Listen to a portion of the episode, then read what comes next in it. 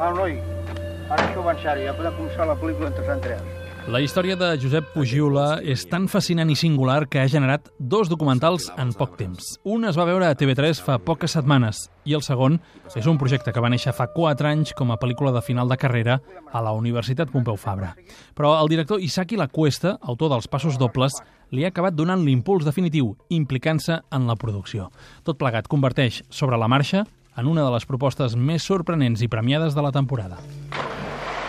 Ser una mica salvatge és una cosa que va bé pel cos. Una persona amb una filosofia de vida, de, de continuar sempre endavant, hi hagin les adversitats que hi hagin, no? I això, en, el dia d'avui, dona com un punt d'optimisme o de força imparable que connecta directament amb la gent. És Jordi Morató, director de Sobre la Marxa, un títol que representa la filosofia de vida del gran protagonista de la pel·lícula, però també del projecte. És la seva filosofia i també ha estat la nostra per fer la pel·lícula, no? Si ell hagués pensat a on arribaria la seva obra o jo hagués pensat on arribaria la, la pel·lícula, no l'hagués fet mai, no? És, és aquesta idea de disfrutar el ara mateix i no pensar en què vindrà.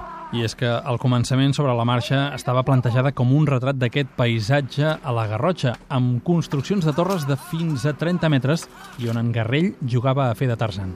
Bàsicament anàvem allà perquè aquest espai ens atrapava d'alguna manera i ens dedicàvem a gravar, a filmar el, el propi espai. Fins que en un moment el vam conèixer en ell i em vaig donar d'alguna manera que la història era més potent que el propi espai a nivell visual o sensorial. No?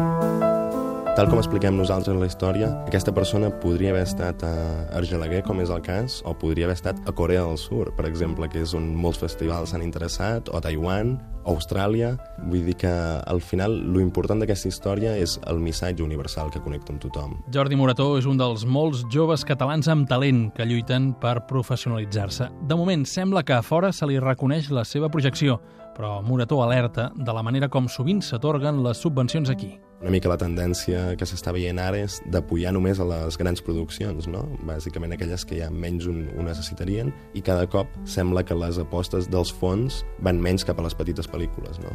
I és que Jordi Morató també remarca que aquests projectes impliquen molt temps per fer-ne el desenvolupament fins que no se'n pot demanar el finançament tot aquest procés que potser pot durar un any, aparentment, si estàs començant, és molt difícil de poder-lo suportar econòmicament, no? I aquí és on el punt d'inflexió estic jo ara, de veure si podré continuar plenament dedicant-me a això o no. Sobre la marxa es veurà en el Docs Barcelona que s'inaugura demà, però també s'està treballant per aconseguir que aquest gran documental arribi aviat a les sales comercials.